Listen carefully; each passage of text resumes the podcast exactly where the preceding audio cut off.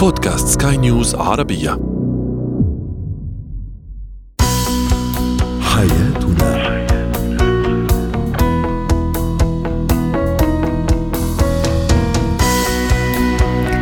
مستمعينا الكرام أهلا بكم. معنا إلى حياتنا برنامجكم اليومي الذي يعنى بشؤون الأسرة وباقي الشؤون الحياتية الأخرى والذي يمكنكم أيضا الاستماع إليه عبر منصة Sky News Arabia slash podcast وباقي منصات البودكاست الأخرى. معي أنا أمل شابه سنتحدث اليوم عن الزوج الذي لا يعترف بأخطائه ويعتقد أنه دائما على حق. كيف نتصرف معه؟ نتحدث أيضا عن أهم الأدوات الطبية التي يجب أن تتوفر في البيت في حال ما إذا في حال حدوث أي طارئ يتعلق بطفلي طبعا. وأيضا في فقرة إتيكات اليوم سنسلط الضوء على إتيكات الأكل في العمل تحديدا إذا اضطررنا للأكل على مكاتبنا. معي أنا أمال شابة إذا بعد قليل. هو وهي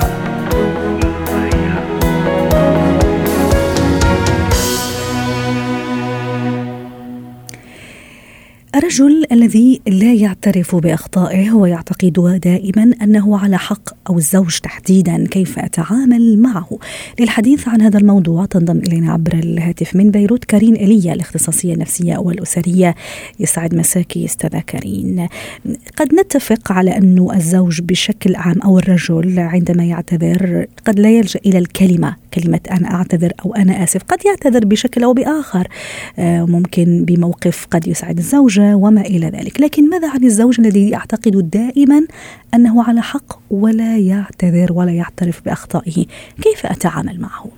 نعم للأسف هيدي هيدي الفئة من الأشخاص هي فئة صعب التعامل معها لأنه دايما الشريك بحس بيشعر أنه دايما أنا ناقصني شيء لأنه في شريكي بحاجة يعتذر بحاجة ولو مرة يعطيني الحق أو الصلاحية بالموقف يلي عم بيصير.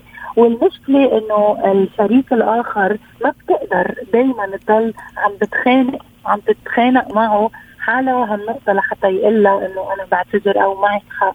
وتحديدا إذا كان الإيجو عنده عالي يعني شخصيته عنده الثقه نفسه كثير وما بيقبل آه، ينحط بموقف الخاطئ. هل هي ثقة أو على العكس هو شعور بالنقص؟ فمشان هيك أنا لا أعترف بالخطأ. أحيانا الثقة بالنفس الزايدة وأحيانا شعور بالنقص ولكن بالنسبة للآخر اللي بوجههم نحن الآخر يلي بوجهه دايما بيعتبر إنه شو هالثقة الزايدة بحاله ولا مرة بيكون عم بغلط وهالقد على طول آه، بيتصرف بالشكل الصحيح.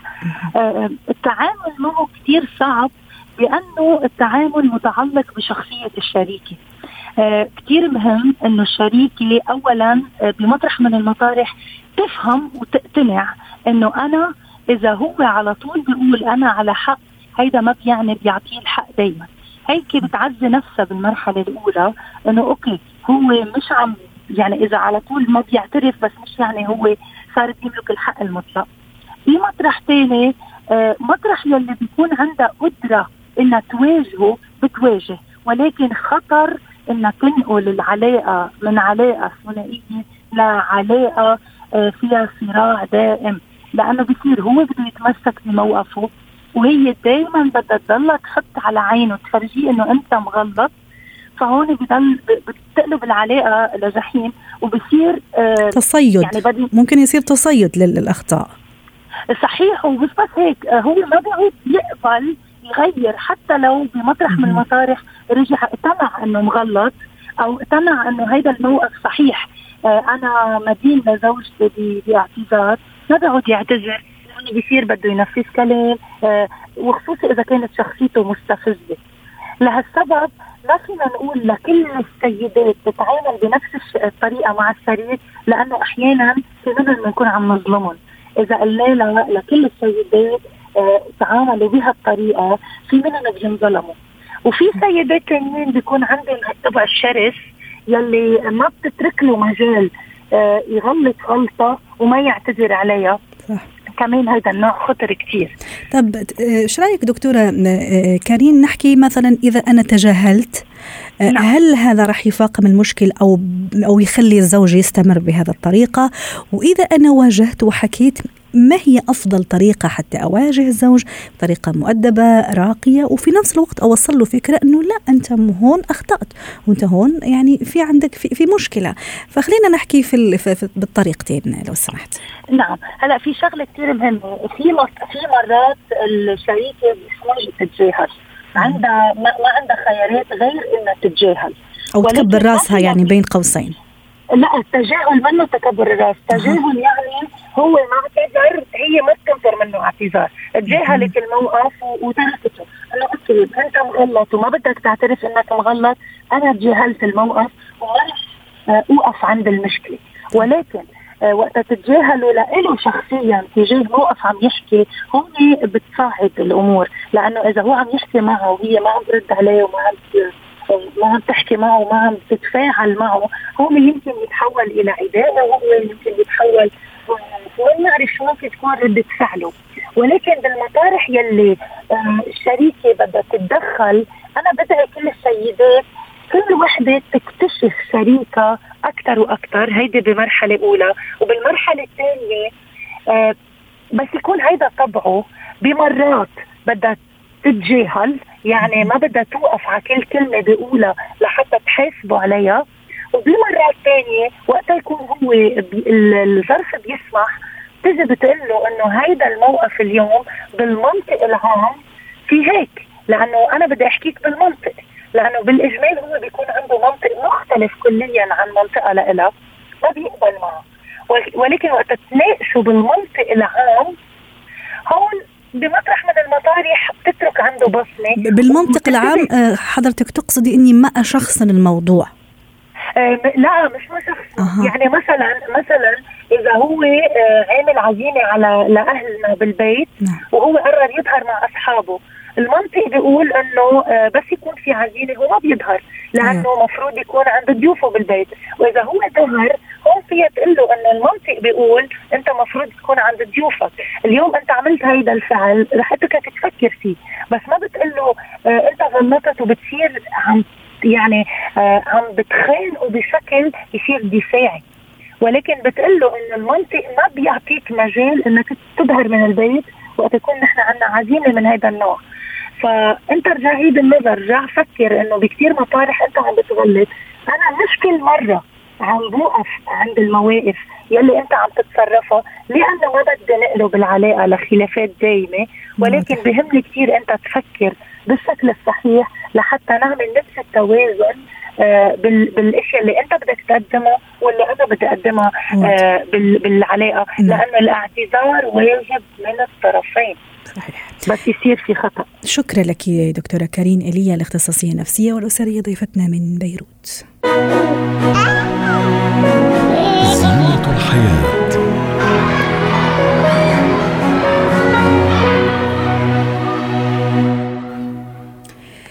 سنتحدث اليوم عن مجموعة من الأدوات الطبية يجب أن تتوفر في البيت بهدف تقديم الإسعافات الأولية في حالة مرض طفلي أو صغيري أو أيضا لضمان الراحة وصحة الطفل.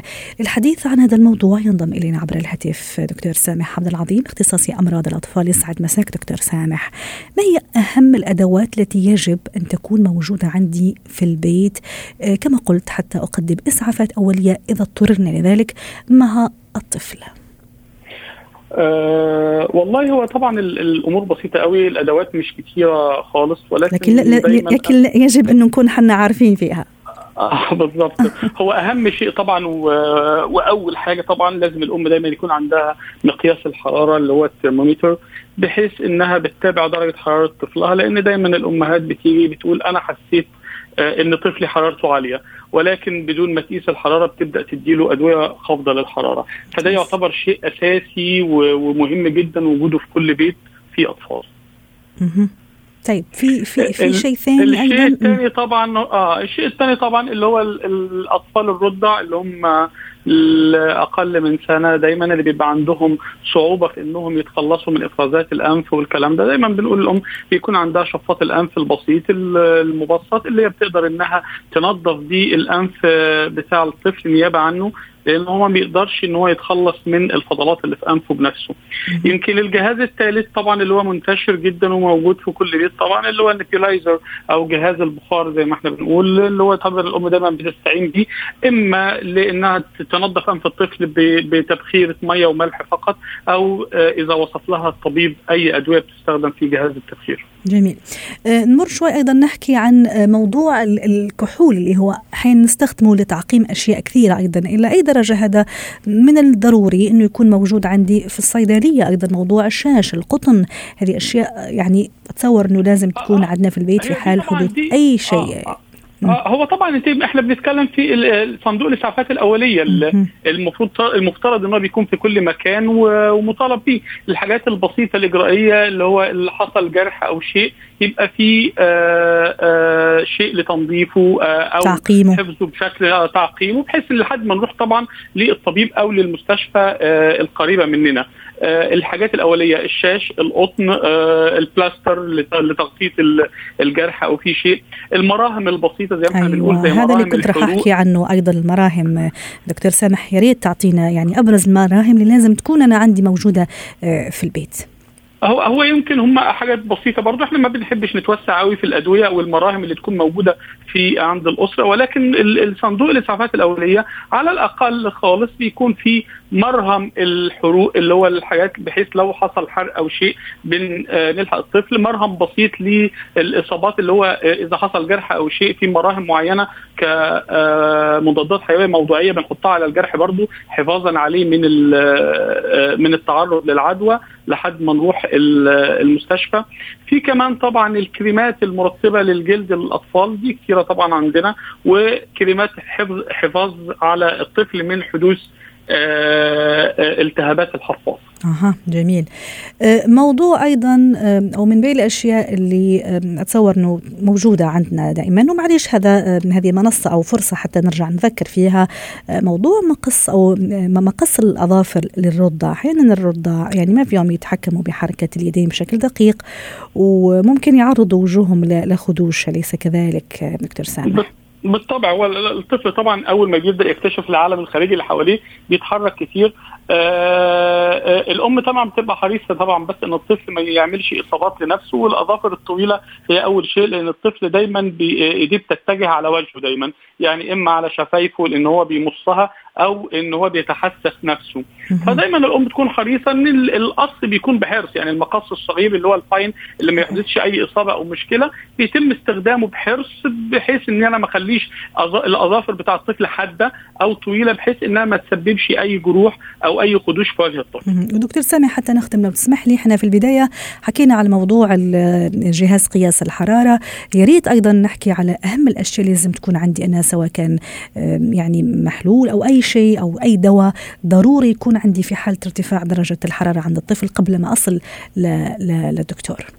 بالضبط هو طبعا إحنا دايما أي أم عندها أطفال لازم بتحتفظ بخوافض حرارة في البيت خوافض حرارة أولية وطبعا بيكون الطبيب واصفها لها وبيكون محدد لها الجرعة اللي بتعطيها لطفلها على حسب العمر وعلى حسب الوزن وهو الأهم طبعا نعم. معظم الأمهات بتكون متواصلة معانا كأطباء دايما بتكون عارفة ابسط أبسط المواد اللي بتنزل الحراره اللي هي الباراسيتامول بكل المنتجات التجارية بتاعته المتواجد في بيوتنا. هو ده الامن والأبسط وجوده بحيث إن أول ما الطفل الأم بتقيس الحرارة تلاقي الحرارة مرتفعة مباشرة بتعمل كمادات للطفل أولية وبعدين بتدي له جرعة خافض الحرارة وبتتوجه للطبيب علشان تعرف إيه سبب الحرارة وهتكمل العلاج بأي شكل وبأي طريقة. جميل. ودائما نذكر لأنه منصتنا يعني برنامج حياتنا دائما هو توعوي لكل السيدات الأمهات لكل ما يتعلق بالحياة وبمواضيع الحياة، أيضا ضروري إنه كل هالأشياء دكتور سامح أكيد رح توافقني الرأي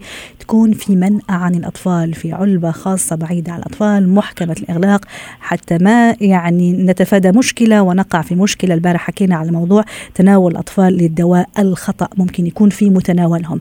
ضروري جدا تكون في منأى عن الأطفال. بالضبط. ده أهم من أهم الحاجات اللي بننبه عليها دايما. وجود الأدوية في متناول الأطفال شيء خطير جدا. وبنشوف حالات متكررة الأطفال أخذت أدوية خطيرة جدا على على صحتهم الحقيقة.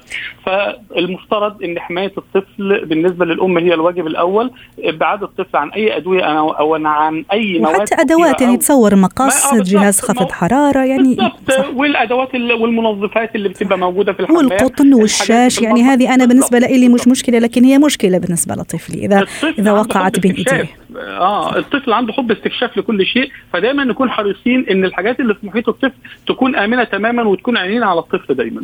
شكرا لك دكتور سامح عبد العظيم اختصاصي أمراض الأطفال ضيفنا من دبي. اتكات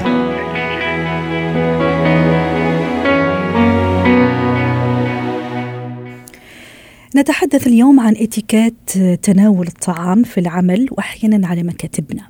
للحديث عن هذا الموضوع تنضم إلينا عبر الهاتف من القاهرة سلوى عفيفي يسعد مساكي ست سلوى. أحيانا بحكم ساعات العمل الطويلة نضطر لتناول فطورنا أحيانا غدائنا في العمل وبحكم الساعات الطويلة أحيانا قد نضطر لأكله على المكتب وحنا مقابلين شاشة الكمبيوتر نضطر ناكله ولو إنه يعني في له مآخذ ويعتبر يعني يعني مرفوض إلى حد ما. لكن إذا اضطررت لتناول فطوري غذائي على الماء أو غدائي على المكتب ما هي اتيكات هذا التناول تناول الأكل؟ يسعد مساكي أستاذة أمل. طبعا مثل ما ذكرتي هو لابد من وجود مكان مخصص لذلك وليكن مطبخ أو أوفيس ولكن م. إذا اضطررنا لذلك الحل هو أن نتبع قواعد الاتيكيت حتى لا نكون منبوذين أو نضايق الآخرين. بداية أن نختار الوقت المناسب لا أكون في عز الشغل وأنا أتناول هذا الأكل أو آخذ فترة الاستراحة. أه لابد أن أبلغ أحد الزملاء لأنه طالما أنا آكل لا أستطيع أن أرد على التليفون مثلا. لابد أن أبتعد عن الأجهزة. أغلق الجهاز وأبتعد عنه حتى لا يسقط عليه أي فضلات أو مشروبات أو مأكولات. أه لابد من اختيار الأطعمة السهلة. خاصة التي لا ليس لها رائحة فواحة أو رائحة مزعجة للآخرين.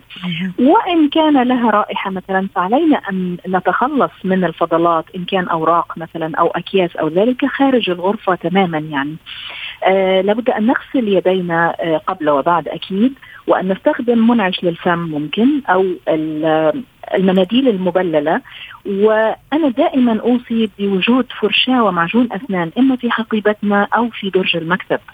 جميل. آه هذا أتمنى أن أكون اجبت على سؤالك. جدا.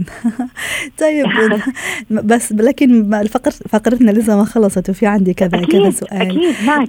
بالنسبة لموضوع إصدار صوت مثلا أثناء نعم. المضغ وزميلي أو زميلتي جنبي أيضا إلى أي درجة هذا مش محبب في في الإتيكيت؟ هو ليس محبب ابدا. لذلك قلت علينا أن نختار الأكلات البسيطة. ومع ذلك علينا أن أيضا نأخذ قطعة صغيرة من من الطعام حتى إذا أحد حدثني مثلا أستطيع أن أرد فلا أكون يعني اصدر أصوات بصوت عالي لا بد أن أكل وفمي مغلق لا أتحدث أثناء الأكل أتك... أكل بهدوء نعم. فكل هذه من من ضمن الأشياء التي تساعد على تحسين الصورة عموما وعدم مضايقة الآخرين. وأيضا عدم التقاط الطعام أحيانا سبحان الله يعني هي نعمة ربي بس أحيانا تسقط على الأرض وممكن يعني نلتقطها ونأكلها أيضا إلى أي درجة لا. هذا لا. يعني مش مش, مش أكيد مش هذا غير مقبول يعني, يعني يمكن نحن نعلم أطفالنا دائما على هذا الموضوع خلاص إحنا نلقيها يعني في سله المهملات برفق يعني لأنها أكيد نعمة ولكن أكيد إنها ممكن تنقل إلينا ميكروبات هذا ليس صحيح. وأهم شيء أنه ننظف أيضا أي اثر للطعام تركناها على على على مكتبنا وأيضا على المطعم وهذا أيضا ربما المدخل الثاني لحتى نحكي إذا أنا عندي مطعم مخصص أو مكان مخصص في في في, في عملي. أيضا أكيد نعم. في, في طريقة أو في في أصول أنا أتبعها هناك. يا ريت تحكينا عنها. أكيد. بالنسبة للمكان المخصص لجميع الموظفين فهو مكان ليس لي فقط. فاذا لابد أن أراعي حرمات الآخرين أو حرية الآخرين أيضا. لابد أن يعني مثلا أجلس في مكان مخصص لي أو أستأذن ولا أجلس مكان أحد مثلا. لو كان هناك مثلا أحيانا نستخدم السخان أو البراد الميكروويف أو ما شابه. لابد أن يكون هناك آداب لاستخدام ذلك. وهذا حدث معنا كلنا يعني في أعمالنا. نضع كيس أو علبة. مكتوب عليها label اسمي مثلا على ورقة صغيرة يبين أن هذا لي أنا مثلا. لابد أن دائما أنا أحرص على تنظيف المكان أو أترك المكان أفضل من مكان لنتذكر هذه العبارة دائما. جميل صح. لأن هذه تؤثر على صورتنا أمام الآخرين. لا أريد أن أذهب إلى المطعم ويكره الآخرين من الزملاء مثلا وجودي. فلا مانع. إحنا يمكن كعرب آه، لدينا الضيافة والكرم. لا مانع من أن أعزمك مثلا. تفضلي معايا. يلا يا ريت. يا ريت والله يشرفني. فهي مبادرة حلوة لطيفة يعني. يمكن الأجانب ما عندهمش هذه الثقافة. ولكن لا مانع أن نتبادل مرات مثلا المأكولات نشارك. أيوه على ذكر تبادل المأكولات نعم. والمشاركة. فضل. أيضا إلى أي درجة؟ لا يسمح بالتعليق على أكلة معينة على صنف معين. إذا أنا مثلا ما أحبه أو ما يعجبني وعم يتناوله زميل أو زميلة مثلا. لا طبعا هذا ليس الوقت المناسب ابدا لأي نقد سواء مثلا لا التحدث عن آه، ما هو صحيح أو خطأ ما هو آه، صحي أم غير صحي ما هو آه، يسمن أو لا يسمن لا ابدا هذه ليست المناسبة السليمة. لا أحد فينا يحب أن يكون مراقب من أحد. فاترك كل واحد على حريته. ولا حتى, أيضا التفوه بكلام ممكن سامحيني على المصطلح مشمئز ونحن على طاولة الأكل أيضا في مواضيع لا يحبذ انه نحكي عليها في أكيد. لا يحبذ أن نحكي عن المرض لا يحبذ أن نحكي عن الأشياء السلبية. ممكن نتناول موضوعات خفيفة و... وليس يعني وفي ثمن الأكل رجاء يعني. وعشان كده دايما بنقول إنه خلي اللقمة صغيرة يعني أو القطعة صغيرة. فنختار الموضوعات اللطيفة الخفيفة. نبتعد عن الشغل أيضا لأنه إحنا هذه فترة استراحة. صح. لا نتحدث عن العمل. أثناء وجودنا على طاولة العمل مثلا أو في المطبخ أو في الأوفيس أو في المطعم العمل. فنختار موضوعات خفيفة. في أحيانا في ناس لا تحب الكلام أثناء الطعام اطلاقا. فنحترم ذلك أيضا معهم. شكرا لك سلوى عفيفي خبيرة الإتيكيت ضيفتنا من القاهرة ويسعد مساكي. حياتنا